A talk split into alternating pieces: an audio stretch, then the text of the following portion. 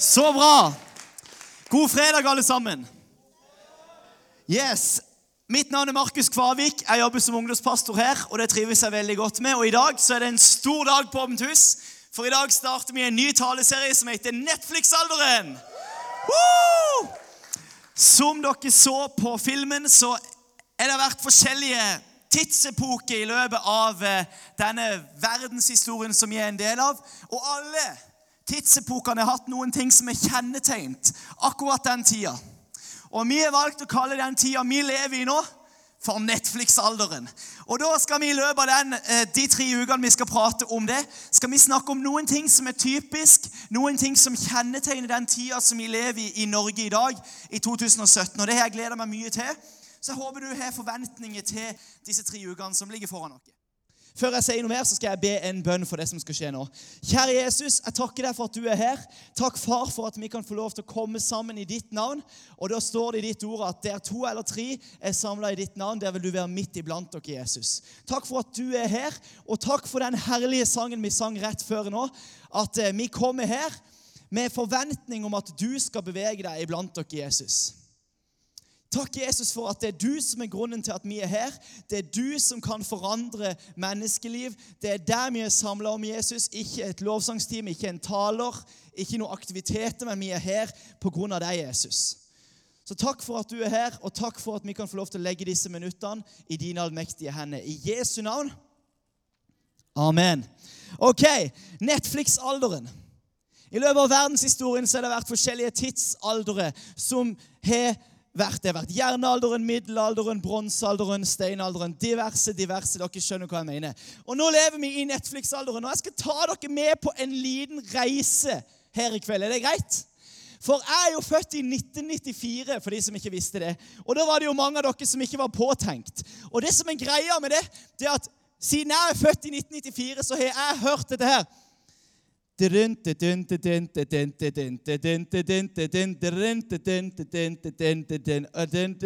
Hvorfor virker ikke den? Oi, oi, oi. Spoilers. Det er introen til barne-TV. Er det noen som har sett barne-TV før? Se, det er mange her som ikke har sett barne-TV. For de var altfor små. Det, de, de var ikke født når det var barne-TV. For før så var det sånn. Hvis ikke du husker det, at barne-TV begynte klokka seks på kvelden. Og hvis du gikk glipp av det, så var det synd for deg. Og da måtte du vente til neste kveld klokka seks. Er dere med meg? Det var jo sånn. Og det som skjedde da, det er at jeg er en morgenfugl. Bare spør min kone Malin. Jeg står opp tidlig om morgenen. Og når jeg var yngre, så sto jeg enda tidligere opp om morgenen. Og det som var så drit med å stå tidlig opp om morgenen, det var at det var bare de der åndssvake teletubbyene som var på TV. da. Det var bare det sånn uh, Å, vi prater ikke! Å, uh, uh, uh, hei, Tinky Winky! Å, hei! Å nei, Bortsett fra at de ikke prater, det er sånn fortellerstemme. Og hva skjer med Nulu? Den der støvsugeren som gikk rundt og spiste kjeks. Altså, Hva er greia? Og det som var da, det er at jeg hata Teletubbies. Men siden det var det eneste som var på, så så jeg jo på det. Sant? For jeg hadde ikke noe valg. Det var ikke sånn at det var sånn at du kunne velge Nei, jeg gidder ikke se på Teletubbies. Nei, alle så på Teletubbies, for det var det eneste alternativet som var. Og så kom tida med barne-TV-kanaler. Og da begynte det to store kanaler som heter Nickelodeon og Cartoon Network. Opp med hånda hvis du har sett på én eller begge av disse. Oi, oi, oi, så mange. Og da begynte de jo å bli alternativet. Da kunne man se. Og dette var jo bare hvis man var litt rik og hadde råd til å kjøpe to kanaler kun for å se på barne-TV. Så det var jo ikke alle som hadde dette. Men Nickelodeon viste Svampebob, Hey Arnold og uh, Jimmy Neutron. Og uh, Cartoon Network viste Ed, Ed og Eddie. Shout-out for Ed, Ed og Eddie. Og Johnny Bravo. Hvor sykt bra var ikke Johnny Bravo? Og Powerpuff-jentene. Jeg elska Powerpuff-jentene, selv om jeg var litt, litt flau for å innrømme det. Men da kunne man plutselig velge hva man ville se på. Å, nå gikk Hey Arnold på Nickelodeon. Jeg gidder ikke se på det. Jeg ser heller på Powerpuff-jentene. Å, shit, nå begynte Johnny Bravo. Eh, eh, ikke shit i det hele tatt. Jeg blir på denne kanalen, ikke sant? Er dere med? Og så kom Disney Channel. Og Disney Channel markerer et skille i denne verdenshistorien. For når Disney Channel kom, så begynte det hekkfjellet med at barne-TV gikk 24 timer i døgnet. Når Disney Channel kom på banen, så var det barne-TV alltid tilgjengelig. Og igjen, dette var jo bare de som var rike eller som hadde fritidsproblemer til å sitte og se på barne-TV 24-7, som hadde den kanalen. Men nå har nesten alle den kanalen. Og det er barne-TV hele tida. Og Disney Channel, sammen med Netflix, representerer muligheten til å kunne velge hva du vil se på, når du vil se på det, og sånn som du vil se på det. Når Disney Channel kom, når NRK Super kom, når det ble barne-TV 24-7, så trengte du ikke lenger å være der klokka seks og se på barne-TV. Det var ikke sånn at når du var på besøk hos folk, så skulle du komme deg hjem at nå begynner snart barne-TV, og mamma har sagt jeg må være hjemme til barne-TV. Mamma har sagt jeg må være hjemme til barne-TV. Når da barne-TV? Barne-TV er jo alltid! Sant? Det er jo barne-TV hele døgnet nå. Så jeg kan komme hjem når jeg vil, for jeg må være hjemme til barne-TV. sant? Det er jo ikke sånn lenger. Netflix handler om at du kan bestemme hva du vil se, når du vil se det, og når det passer deg. Du kan sette på pause, du kan bytte når ikke du liker det du vil se. Når ikke du liker det du ser på, så kan du bytte til noe annet. Og nå har det til og med kommet en funksjon som heter skip intro. Jeg mener, Hvor langt har verden kommet i feil retning? Nå har vi ikke lenger tid til å sitte og se på en 20 sekunds introfilm. Nå skal vi, nei, jeg, jeg, nå vil jeg se på det som jeg skal se på. Å, intro. Åh, skip intro. Hvor mange her liksom kjenner igjen den følelsen når du ser på YouTube, så kommer det en fem sekunds reklame, og så sier du det her Fem sekunder av mitt liv til reklame! Jeg finner meg ikke i det! Sant? Mens før så venta du et døgn på å se på barne-TV. Men nå kan du ikke vente fem sekunder på en flippens reklame om et eller annet som ikke du bryr deg om. Eller du kan til og med ikke høre 20 sekunder med mm, ba, ba, ba, ba, Åh, Få det på! Få det vekk, sant? Men dette gjør jo noe med oss, folkens. Vi kan si at dette her bare er kødd. Men en av de tingene som Netflix-alderen virkelig dreier seg om, det er egoisme. Og nå tenker kanskje du er det Netflix sin skyld at jeg er ego. det er det ikke. Men Netflix-alderen er den alderen, den tida som vi lever i. Og En av de kjennetegnene, en av de tingene som virkelig denne tida handler om, det er at mennesket blir mer og mer egoistiske. Mennesket tenker generelt sett mer og mer på seg sjøl.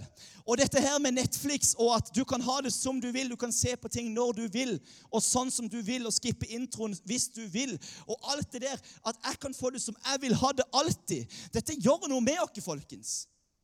Jeg er vant med å få det sånn som jeg vil ha det. For når jeg sitter hjemme i min sofa, så er det med min fjernkontroll. Det er meg som bestemmer hva jeg vil se, og hvor fort jeg vil se det, og hvor langt jeg vil Jeg kan spole hvis jeg vil det. Jeg kan spole tilbake. Jeg kan gå og se på noe som gikk i går.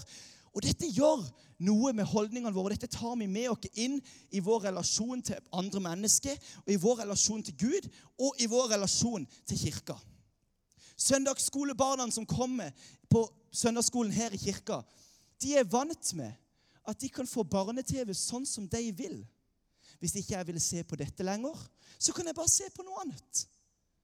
Så tar de det med seg inn på søndagsskolen. Hvis ikke jeg syns innebandy er gøy, hvorfor er det ikke noe annet for meg? Er dere med meg? Dette gjør noe med oss. Vi er vant med å få det sånn som vi vil. Og egoisme det er en ting som vi skal prate om i kveld. Og Jeg skal begynne med en definisjon på ordet egoisme. Er dere med meg på det? En som er med meg på det. Så bra. Da får dere høre etter.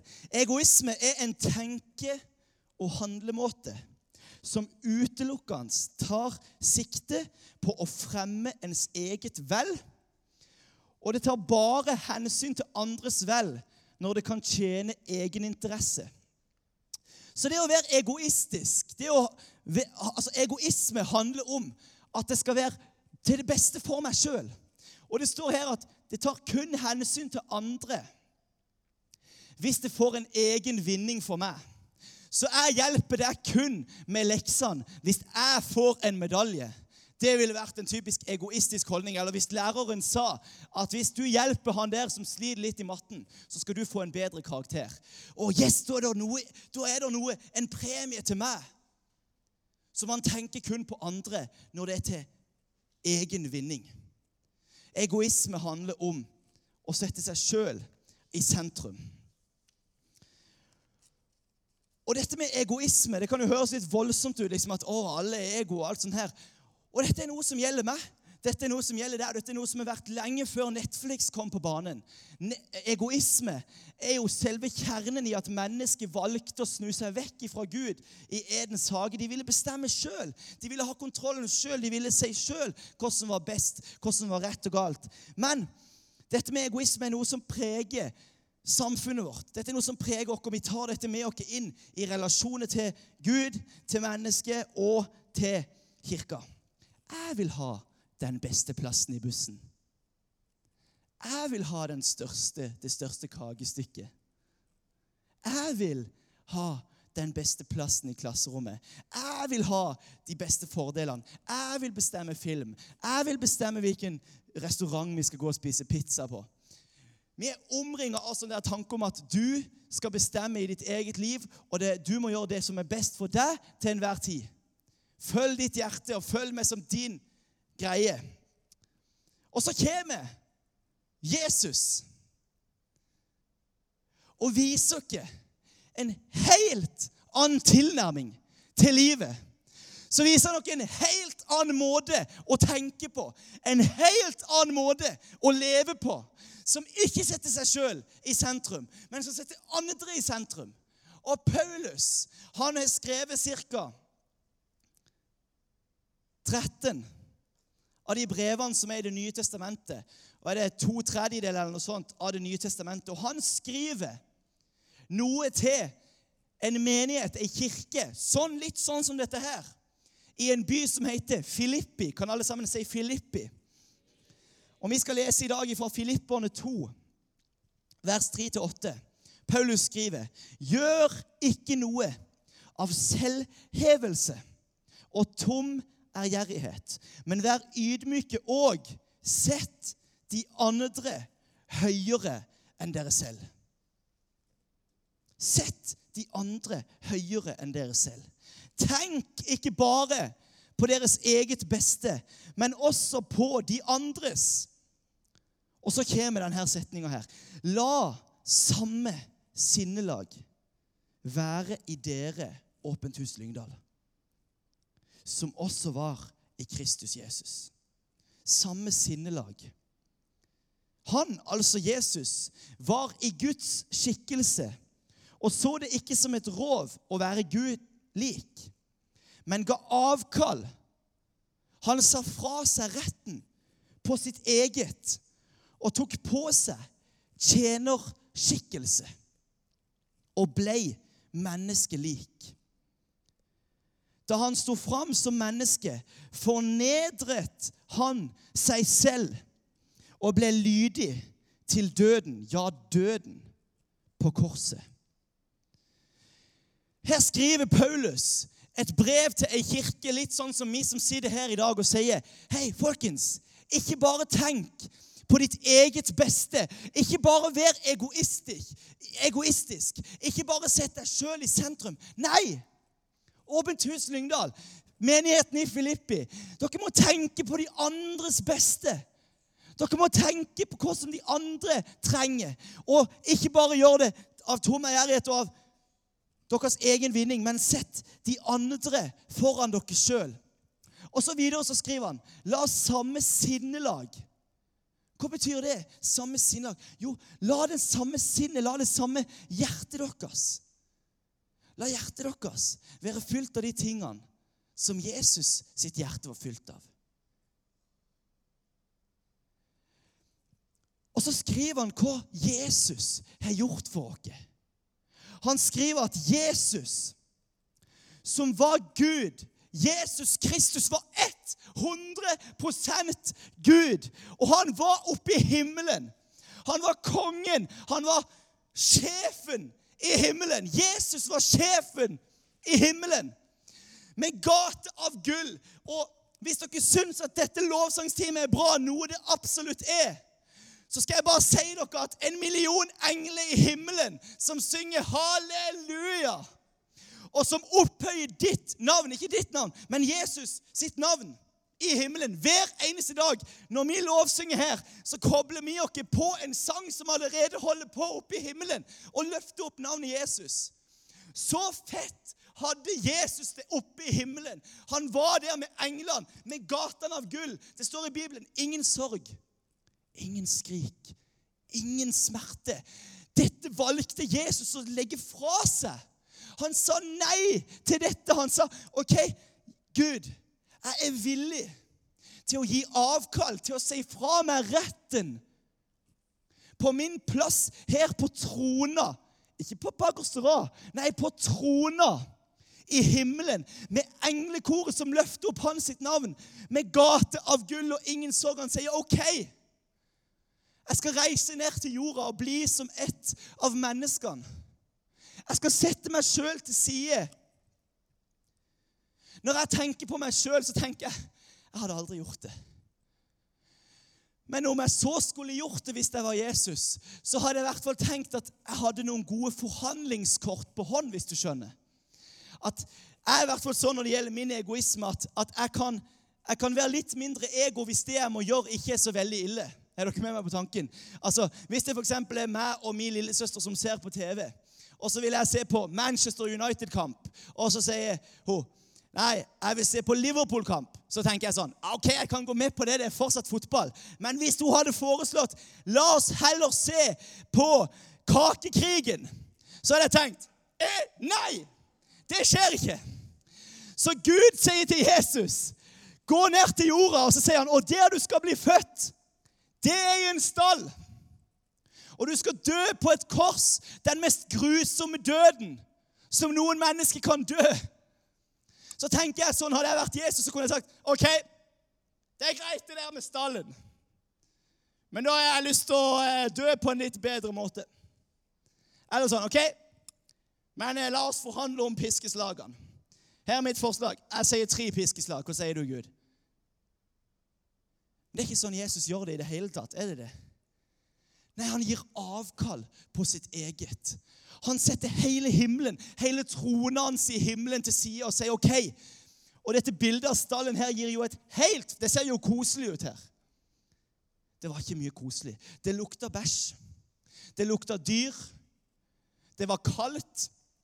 Hvis jeg hadde spurt dere blir dere med i kveld og sove ute under åpen himmel, så er det mange av dere som hadde fått noen sperrer oppe. Hvis jeg hadde sagt skal vi sove i en plass der som, som kuer og, og hester og sauer driter og spiser Der ble Jesus født, folkens. Ikke på sånn et fint glansbilde sånn som dette. Han ble født inn i en stall hvor dyr spiser og bæsjer og, og alt med seg. For så å leve et liv på jorda i 33 år ca. Og dø den mest grusomme døden som han kunne dø. Og det minner meg bare om disse versene som vi just las. Han var i Guds skikkelse. Jesus var Gud. Men han så, og han så det ikke som et rov. Han så det, han så ikke, det var ikke noe stress å være Gud lik. Men han ga avkall på sitt eget. Han sa ifra seg retten til å sitte på trona. Han, han sjekka ut av himmelen og gikk ned til jorda. Han sjekka ut ifra englesangen og ifra gatene av gull og fra sorg og skrik og ingen sorg og ingen skrik og ingen smerte, og gikk ned til jorda og tok på seg en tjenerskikkelse. Han satte andre foran seg sjøl. En annen plass i Bibelen så står det han kom ikke for å la seg tjene noe han hadde hatt alle grunn til å gjøre. Nei, men han kom for sjøl å tjene. Og han ble menneskelik. Han var 100% Gud og 100% menneske. Og når han sto fram som et menneske, fornedra han seg sjøl. Hva er å fornedre seg sjøl? Jo, det er hvis kong Harald skulle ha gått ned og blitt som en grisepasser, så ville det vært en fornedring av kongen. Han ville ha gått ned i sosial rang, hvis dere skjønner hva jeg mener. Og Jesus gikk ifra å være herskeren over hele universet til å være en som ble født i en stall av ei jomfru på 16 år. For så å leve et vanlig liv med vanlige folk, for så å dø på denne måten her. Det er virkelig fornedre seg sjøl. Og han ble lydig til døden. Ja, døden på korset. Han ble lydig til døden. Jeg tror ikke det var sånn at Jesus tenkte at dette var sinnssykt digg. Jesus var 100% Gud, men han var 100% menneske. Hvert piskeslag som reiv opp huden hans, sin, gjorde like vondt som det ville gjort hvis noen skulle gjort det på deg. Når han ble født inn i den stallen, og det var kaldt og det var hestebæsj og det lukta vondt, så lukta det like vondt som om jeg og deg skulle bli født der. Det var like mye bakterier der som om vi skulle vært der. Jesus satt i himmelen. Ingen sorg, ingen skrik, ingen smerte. Gata gull, englesang, krone, trona. Så vil jeg å si jeg setter menneskene først. Jeg tar på meg tjenerskikkelse. Uegoistisk. Vi har ikke noe bedre eksempel på uegoistisk person i verdenshistorien enn Jesus Kristus. Og han valgte å gi avkall på sitt liv for at du skulle ha ditt liv. Og for at du skulle få et evig liv i himmelen sammen med han. Jesus måtte være uegoistisk for at vi og deg skulle få lov til å, å være sammen med Gud i et evig liv i himmelen. Og så gir Paulus dere denne anbefalinga her i kveld. Sett ikke dere sjøl først, men sett de andre først, sånn som Jesus har satt dere først. Og så tror jeg at dette ordet her lydig til døden, dette ordet lydig Jeg tror at noe av dette som handler om uegoistisk holdning noe av det som handler om egoisme, handler faktisk om å være lydig mot Guds ord fordi at det er Gud som sier det. Jesus valgte å være lydig. Han valgte å være uegoistisk. Han sa, 'Vil du gi ditt liv for menneskene?' 'Ja, jeg er lydig mot deg, Gud.' Og på samme måte så tror jeg vi utfordres på å være lydige mot Guds ord når det gjelder å sette andre mennesker først. Det handler ikke om at det er så veldig gøy, for det er det ikke. Noen ganger så tenker jeg ja, men jeg fortjener jo den beste plassen i bussen. Men jeg vil ha det største kakestykket. Det vil aldri bli gøy å være uegoistisk. Men jeg tror at vi utfordres på å være lydige mot Guds ord fordi at det er Gud som sier det. Og så har vi dette fantastiske forbildet i Jesus Kristus, vår frelser, som valgte å gi sitt liv for deg og meg. Lovsangstimen kan komme opp. Jesus ga avkall på sitt eget liv. Han la ned sitt liv og døde for deg. Og det er et sitat som sier Jesus ga sitt liv for meg så derfor vil jeg leve mitt liv for han. Og Vi kan reise og gå opp helt til slutt. Jeg har lyst til å si det sånn som dette. Egoisme er en veldig, veldig vanlig ting, og vi alle sammen sliter med den egoistiske holdninga. Markus Kvavik er en egoist som elsker å få det største kakestykket.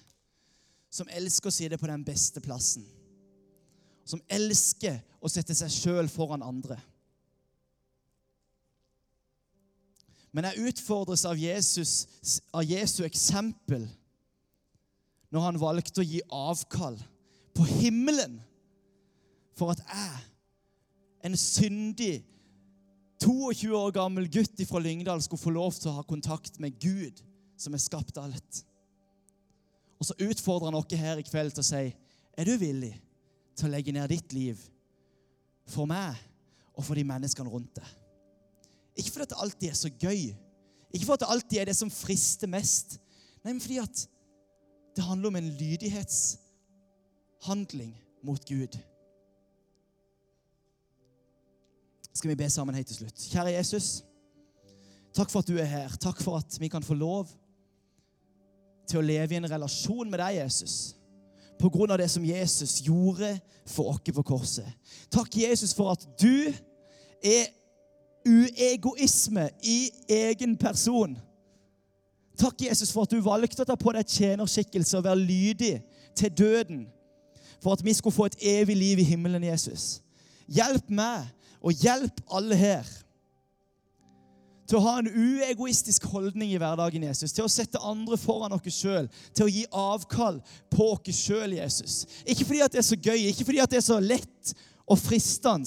Nei, men fordi at du sier det til oss, Jesus.